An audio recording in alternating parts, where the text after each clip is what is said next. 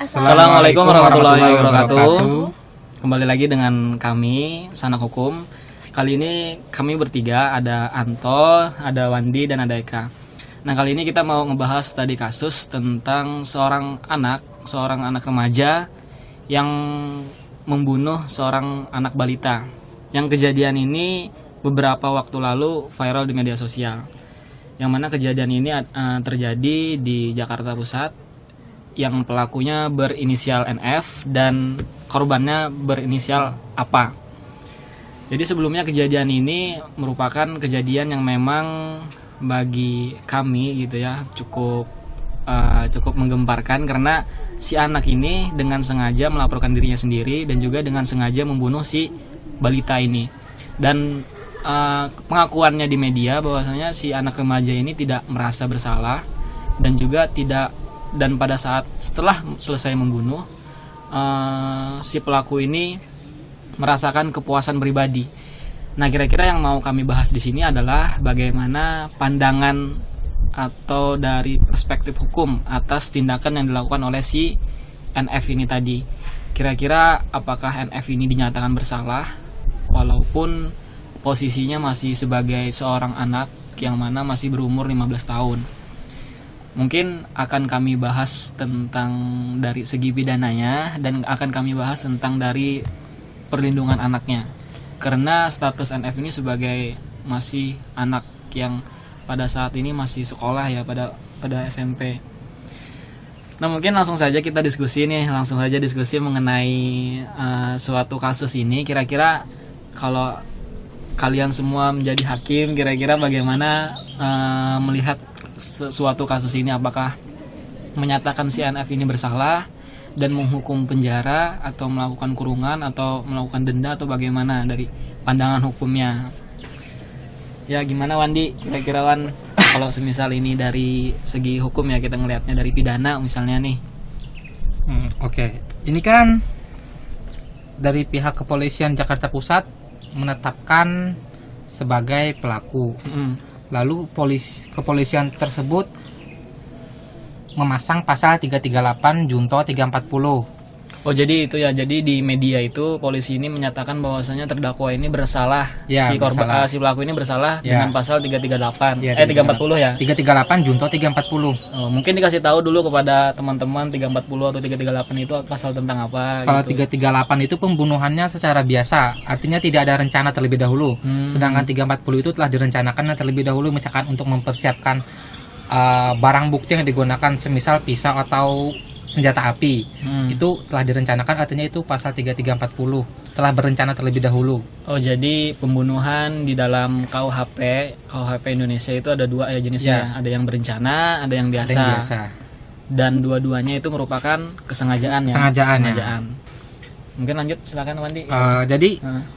kalau kita lihat di pasal 338 itu bunyinya Barang siapa dengan sengaja merampas nyawa orang lain hmm. diancam karena pembunuhan dengan pidana penjara paling lama 15 tahun. Hmm. Sedangkan 3340 berbunyi barang siapa dengan sengaja dan dengan rencana terlebih dahulu hmm. merampas nyawa orang lain diancam dengan pembunuhan yang berencana hmm. dengan pidana mati atau pidana penjara seumur hidup atau selama-lama waktu ter waktu tertentu paling lama 20 tahun penjara. Hmm Oh jadi di dalam undang-undang uh, di dalam 338 pembunuhan biasa ancaman hukumnya itu berbeda dengan yeah. pembunuhan berencana yeah. ya. Lebih berat pembunuhan berencana ya. Iya, yeah, karena 20 tahun. Mm-hmm. Uh, kalau kita lihat dari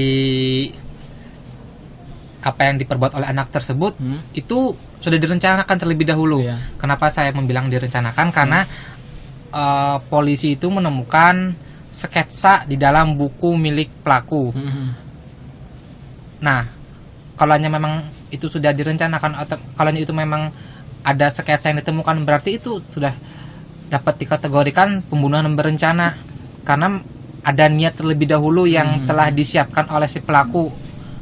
Jadi dia itu membuat sketsa untuk uh, membunuh si Seorang. bocah tersebut. Hmm. Oh iya. Jadi uh, si NF ini lebih ada rencana gitu ya. Ya, memang ada rencana. Dan dan di media pun kalau kita lihat si NF ini terinspirasi gitu ya kepada Ya. film film film horor kan. film horor Nah mungkin eh, terhadap eh, kasus ini kalau dari segi KUHP sendiri bagaimana apakah ini terpenuhi masalah pembunuhan berencana atau tidak? kalau menurut pasal ini 340 dari pasal 340 hmm, terpenuhi terpenuhi karena yang pertama dengan sengaja Hmm, yaitu sengaja sengaja kedua dengan berencana dengan berencana. berencana itu kan oh ya, ya tadi kata saya Ya, sketsa lah, ya. dengan sketsa Ah. itu ketiga merampas nyawa orang lain Ya. itu kan nyawanya Wanita. telah mati itu Hmm. Telah- maksudnya mati Tapi yang yang yang bikin kita bingung di sini adalah si anak ini melaporkan dirinya sendiri ke kepolisian. nah Bagaimana tuh kira-kira?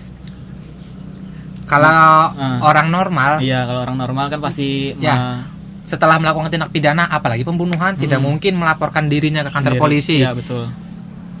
bisa disimpulkan ada gangguan kejiwaan Ada gangguan kejiwaan Ya. kemungkinan ya. Kemungkinan. dan ini Tetap- sedang diperiksa nah kepolisian ya ya. tetapi kita tidak bisa berkesimpulan dulu kita menunggu Tunggu hasil hasil pemeriksaan pemeriksaan dari pihak yang berwajib Hmm. baru bisa menyimpulkan apakah memang benar-benar gila Atau tidak. atau gila dibuat-buat atau keadaan psikisnya normal Oh iya.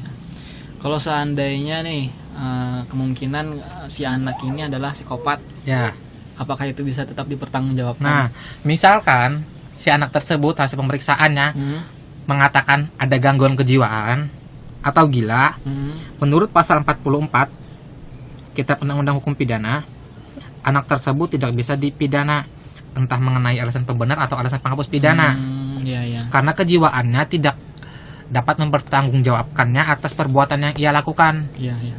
Oh, jadi kalau kita lihat dari unsur perbuatan yang dilakukan si ANF ini sudah terpenuhi nih. Ya, unsur, terpenuhi. Unsur dari pembunuhan berencana. Ya, berencana terpenuhi. ada rencana dan ada kesengajaan, ada kesengajaan. dan ada akibatnya Ada si anak akibatnya. meninggal.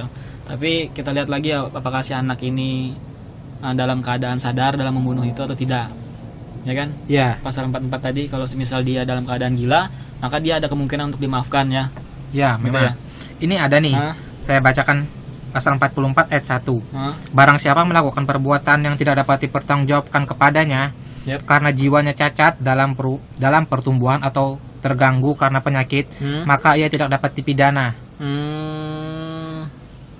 Jadi kalau Wandi sendiri nih melihat dari pandangan hukum terhadap eh, berita yang ter- terhadap tindakan pelaku yang kita baca dari berita ini, apakah Wandi bisa menyimpulkan bahwasanya ini merupakan suatu keadaan gila si anak atau tidak? Hmm, saya tidak bisa berkesimpulan dulu Ah. karena eh, hasil pemeriksaan dari pihak dokter pun Belum ada ya? belum ada, belum Hmm. keluar. Hmm. Jadi hmm, kita tidak bisa berkesimpulan apakah memang gila Hmm. atau keadaannya normal atau waras. Hmm, benar-benar.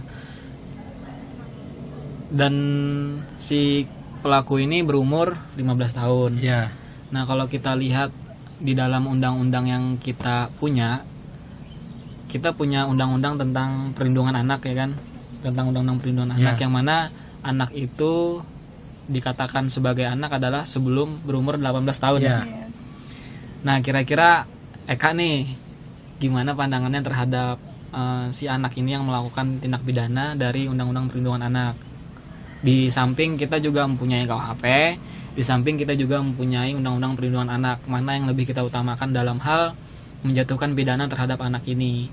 Kan sekarang kalau di media itu, Yawan ya, eh, kepolisian itu salah satu media kita baca bahwasanya kepolisian mendakwakan si anak ini bahwasanya melakukan tindakan 340 KUHP. Ya, 340. Padahal di sisi lain kalau kita lihat ini merupakan seorang anak, apakah Ya, seorang itu anak. eh, si kepolisian ini dapat dibenarkan atau tidak dalam segi hukumnya? Gitu. Mungkin mungkin Eka bisa ngasih penjelasan mengenai undang-undang perlindungan anak ini kepada Oke. semuanya. Jadi penanganan perkara pidana terhadap anak itu tentunya berbeda dengan penanganan perkara pidana yang di- dilakukan oleh orang, dewasa. Ah. Tentunya sangat berbeda. Hal tersebut juga telah diatur oleh peraturan kita gitu. Hmm. Jadi dalam hal ini tentunya masih harus tetap berpedoman pada Undang-Undang Perlindungan Anak maupun sistem peradilan pidana anak yang ada di Indonesia. Oh itu sesuai anu ya sesuai asas lex Iya, spesialis uh-uh. derogat lagi generalis. Jadi mengenai kasus ini sebelumnya mungkin teman-teman menyebutkan pelaku pelaku pelaku, Hmm. tapi dalam penanganan perkara pidana anak tidak ada penyebutan pelaku. Pelaku. Cuman anak, Anak yang yang berhadapan dengan hukum. Anak tunggu ABH. anak yang berhadapan dengan hukum itu di undang-undang sebelumnya diklasifikasi diklasifikasikan lagi oh terdiri atas anak yang berkonflik dengan hukum, Dan anak, anak sebagai korban dan anak sebagai saksi. Si. Dalam hal ini NF dia posisinya sebagai anak yang berkonflik dengan hukum atau kita biasa menyingkatnya ABH. BH. anak Jadi, dengan hukum Kasus ini Hah? tetap harus berpedoman pada Undang-Undang Perlindungan Anak. kenapa Mengingat asas uh, lex specialis terutama itu asas, spe- asas lex specialis, kemudian asas kepentingan terbaik untuk Hmm. Anak. anak, dan uh, jika tadi Wandi menyebutkan pidana-pidana penjara dan Hmm. sebagainya itu menurut saya sangat menyeramkan bagi seorang anak iya gitu. memang Pada pasal 3 huruf G Undang-Undang Sistem Peradilan Pidana Anak nomor 11 Hmm. tahun 2012 itu telah menyebutkan bahwa anak itu berhak untuk tidak ditangkap, ditahan atau dipenjara Hmm. kecuali sebagai upaya terakhir. Jadi Kecuali pidana sebagai upaya iya, terakhir jadi ya? pidana penjara dalam uh, penanganan perkara anak itu adalah upaya paling terakhir jika memang uh, kasusnya jadi sebelum sebelum melewati pengadilan biasanya kasus kasus Hmm. Anak, anak, itu, itu melalui di- upaya proses diversi. diversi tapi Ya. diversi ini ada dua syarat Syaratnya? yang pertama syaratnya adalah tindak pidananya diancam dengan ancaman kurang dari tujuh tahun dari dan anak tahun. ini bukan merupakan pengulangan tindak pidana Hmm. sedangkan CNF tadi di, dikenakan pasal yang Ya. ancaman hukuman pidananya di atas tujuh tahun Tujuh jadi tahun. tidak mungkin melewati proses diversi ini Ya. sehingga langsung ma- memasuki proses uh, penyidikan dan ke penuntut umum ya Ya. nah dalam sistem peradilan pidana anak Hmm. untuk upaya penahanan anak itu sebenarnya adalah hal yang tidak diperbolehkan gitu. Jadi anak itu boleh ditahan apabila dia sudah berumur lebih dari 14, 14 tahun. tahun. Yap. Jadi dalam hal ini penahanan anak yang dilakukan oleh kepolisian memang sudah benar sudah benar, sesuai sudah dengan sesuai dengan standar standar, tapi ada batasnya. Penahanan anak itu dipenyidikan maksimal selama tujuh hari. itu berdasarkan peraturan yang ada Iya, dan kemudian itu boleh diperpanjang Hmm. atas persetujuan penuntut umum selama 8 hari. Hmm. Seperti itu. Jadi kalau kita membandingkan antara hukum pidana dan hukum undang-undang perlindungan anak, jadi kita lebih mengedepankan undang-undang perlindungan anak ya. Iya, karena Kayak tadi gitu. asas kepentingan terbaik untuk anak Dan asas dan pidana itu adalah Upaya langkah terakhir. upaya terakhir. Ultimum Ultimum remedium. Iya, Iya. Jalan terakhir. Jalan terakhir. Iya. Nah, kalau seandainya nih kita kan ngelihat nih bahwasanya si anak ini melakukan tindak pidana, ngebunuh orang. nggak ada dong rasanya kalau semisal ndak ndak ndak kita penjara tuh nah kan kita eh, ada kasus yang sama tapi umurnya cuma berbeda 2 tahun atau tiga tahun. Dengan umur yang 18 18 tahun diancam hukuman atau dijatuhkan hukuman mati. Kayak nggak adil aja cuman beda beberapa tahun aja gitu. Tiga tahun aja kan si anak nih 15 tahun dengan 18 tahun nah apakah itu bisa dikatakan adil bagi Jadi, masyarakat Dalam Undang-Undang Sistem Peradilan Pidana Anak Hmm. itu di pasal 71 telah menyebutkan bahwa pidana pokok bagi anak itu terdiri atas pidana peringatan, Hmm. pidana dengan syarat yakni pembinaan di luar lembaga, pelayanan masyarakat atau pengawasan, pelatihan kerja, Hmm. pembinaan dalam lembaga dan penjara. Jadi dalam perkara anak tidak ada pidana mati. tidak ada pidana mati ya Ya, seperti itu. Hmm. Nah jadi kalau kita eh, melihat lebih dalam lagi mengenai perkara ini, kita tidak pakai KUHP berarti ya, Iya. kita pakai Undang-Undang Perlindungan Anak. Nah yang jadi saya, yang jadi pertanyaan saya itu adalah bagaimana si anak ini, tapi ini belum belum tentu si anak bersalah ya, karena masih diperiksa apakah si anak ini gila atau tidak, atau ada kelainan Iya. dalam mentalnya atau tidak. Kita belum bisa menyimpulkan bahwasanya si anak ini bersalah atau tidak. Tapi kalau kita lihat dari segi perilakunya, ini merupakan pembunuhan berencana. Dan juga kalau kita melihat dari peraturan yang ada di Indonesia, kita memakai Undang-Undang Perlindungan Anak. Jadi dampak kalau kita memakai Undang-Undang Perlindungan Anak, maka anak ini akan dibebaskan ya. Tidak. Tidak. Maksudnya, maksudnya tidak ada pidana mati. Tidak ada pidana mati. Iya, kalau anak- pidana penjara gimana? Ada kan Ada. disebutkan di poin terakhir Eh. pidana pokoknya terdiri atas uh, pidana penjara. Oh, ada pidana penjaranya. tapi tidak ada pidana Oh. mati. Bukannya di anu ya di apa namanya di dalam LPKS, LPAS, LPAS, lembaga ya itu. LPA atau LPKS. Iya.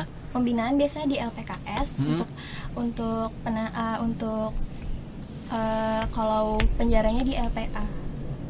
Tapi tetap ada penjara bagi anak Penjaranya khusus. khusus ya. Iya. Dan dibina di situ. ancaman maksimal hukumannya tidak dalam undang-undangnya tidak disebutkan apa Hmm. da- tidak disebutkan berapa, berapa maksimalnya karena tadi disebutkan bahwa pidana penjara itu adalah Upaya upaya, terakhir. terakhir. jadi kalau sudah tidak ada jalan keluar sama Hmm. sekali baru penjara eh, sebagai jalan keluarnya dalam tapi poin ini dalam undang-undang perlindungan anak itu ada dijelaskan nggak kalau misal anak melakukan pembunuhan ancaman hukumannya misalnya 15 tahun gitu tidak ada tidak ada tidak ada Jadi dalam hal ini dengan ancaman pidana mati yang dikenakan tadi Hmm. bahwa kalau menurut saya jika memang anak tersebut terbukti melakukan Pembunuhan. pembunuhan Berencana. berencana, Hmm. maka sesuai undang-undang perlindungan anak dia tidak bisa dikenakan pidana mati. Hmm, Mungkin dapat dikenakan pidana penjara, paling lama sesuai 20 uh, tahun tadi. iya. Ya, pidana Tapi tidak, maksimal. tidak ada pidana oh berarti mati. tetap bisa kena hukuman penjara Iya. sesuai dengan tapi tidak ada pidana mati tidak ada pidana mati atau seumur hidup. Tapi kan di, dalam- di dalam undang-undang perlindungan anak tuh lebih kepada mementingkan ke depan eh, Kepentingan apa? kepentingan Iya. anak ya. Masa depan anak. Bagaimana kalau semisal anak ini di penjara nih kita kita anggap aja kalau si anak bersalah. Kita anggap Hmm. anak bersalah dan hakim menjatuhkan bahwasanya hakim bersalah dan eh si anak bersalah Mm-mm. dan si anak ini kan umur masih 15 tahun. Masa Iya. depannya masih panjang. Kira-kira bagaimana tuh menur- eh, psikis bagi si anak? Terus tuh tekanan dari masyarakat terhadap si anak karena kan membunuh itu bukan suatu perkara yang mudah dilupakan itu perkara yang memang Iya. bakal diingat masyarakat dalam beberapa puluh tahun ke depan nah kira-kira gimana tuh kalau semisal dijatuhi penjara Justru kalau menurut saya Hmm. eh, adanya fenomena ini itu termasuk menjadi salah satu pukulan atau tamparan keras bagi kita sebagai sebagai orang yang lebih dewasa, sebagai orang tua Hmm. atau sebagai calon orang tua. Kok bisa anak yang masih umur anak, hmm, umurnya masih anak, dia melakukan suatu, Suatu pidana. Ya, yang betul. mungkin orang dewasa aja belum kepikiran, sampai, tidak belum kepikiran. Ya, tidak ya kepikiran. itu. kira-kira Wandi umur 15 tahun tuh ngapain Wandi? Oh, saya umur 19 tahun masih main bola main-main di tanah sama teman-teman sebaya seumuran. oh iya seperti begitu. itu jadi ini seperti apa ya tamparan buat kita semua Ya. bahwa pentingnya loh keberadaan anak iya. pada saat zaman sekarang seperti ini itu. Dengan segala kemajuan teknologinya kita sebagai orang tua atau sebagai orang yang lebih dewasa memiliki tanggung jawab untuk menciptakan bagaimana lingkungan yang kondusif untuk Iya. anak sehingga anak tidak melakukan tindak pidana apalagi tindak pidananya membunuh tadi. Iya. Iya juga. Dan juga si anak ini orang yang paling eh, dicontohnya adalah dari orang tuanya sendiri ya kan? Iya. Nah, jadi guru terbaik bagi anak itu adalah orang tua sendiri walaupun si anak sekolah. Jadi kalau kita lihat ya kejadian ini di rumah si anak eh, di rumah si pelaku. Yang kejadiannya itu juga pada siang hari bukan pada malam hari. Ya. dan kejadiannya pun lumayan pembunuhannya itu lumayan lama ya. Kalau kita baca di media itu pembunuhannya itu si eh, NF ini menenggelamkan si korban sampai beberapa kali. Lalu di mulutnya ditutup pakai kain disupul pakai kain dan itu kejadiannya butuh waktu kalau eh, melakukan hal tersebut. Dan orang tuanya ke mana kayak gitu. Kan kejadian pada siang hari masa orang tuanya tidak ada di tempat? Kira-kira nih kalau semisal kita ya tadi kalau dari segi perbuatan ini merupakan kesengajaan. Apakah ini tidak bisa kita anggap sebagai kelalaian orang tua? Yang ada di rumah pada saat itu tidak menjaga anaknya. Uh, menurut Kira- pandangan saya, mungkin saat itu, saat kejadian itu, orang tuanya bekerja, jadi tidak ada yang mengawasi di rumah. Mhm. Lalu tadi uh, apakah ini termasuk kelalaian atau Kelalaian tidak orang ya? tua atau tidak? Menurut menurut saya ini tidak kelalaian, Hmm. karena kan uh, anak tersebut memang uh, gimana ya? Anak tersebut memang melakukan itu sendiri. Hmm, Kelalaian itu dapat kita artikan yaitu uh, lalainya orang tua terhadap anak yang mengakibatkan orang lain kematian orang lain kematian misalkan kayak eh, anak mengendarai sepeda motor yang di bawah umur. Iya. lalu kenapa orang tua tersebut Mengizinkan. mengasih motor mengizinkan? Oh, itu iya. kan artinya kelalaian. Ada sangkut pautnya dari orang tua tersebut. Hmm. kalau ini kan murni dari kesalahan anak tersebut. Si anak jadi tidak ada eh, kaitannya dengan kelalaian oleh orang, tua. Oh, cuma kurang pengawasan aja mungkin. Kurang pengawasan ya. Ya atau kurang kasih sayang dari orang tua. Mhm. Dan juga kalau kita membaca medianya itu salah satu eh, anak ini terinspirasi dari film-film ya, film-film horor. ya Slenderman dan Iya, apa Caki? Caki Caki. Nah, berarti film-film sekarang ini juga mempengaruhi perilaku, perilaku anak sekarang ini. Nah kira-kira ini kalau kita lihat dari siapa yang bersalah, banyak pihak yang memang terkait dalam uh, tindak pelaku anak ini. Apakah pemerintah juga bisa disalahkan akibat diperbolehkannya seorang anak menonton film? Apakah bisa sangkut ke sana gitu nah?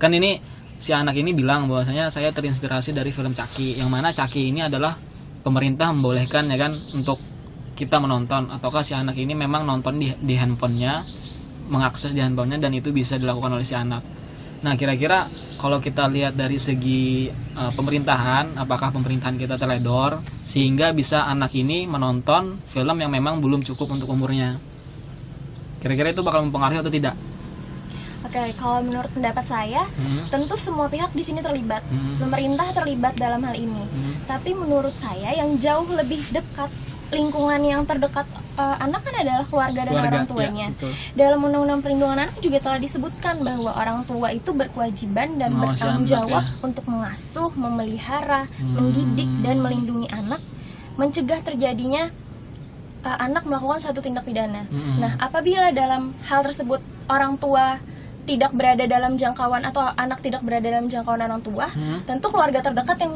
yang memiliki uh, tanggung jawab yang lebih besar. Hmm. Tanggung jawab terhadap itu. Seperti itu. Hmm, baik.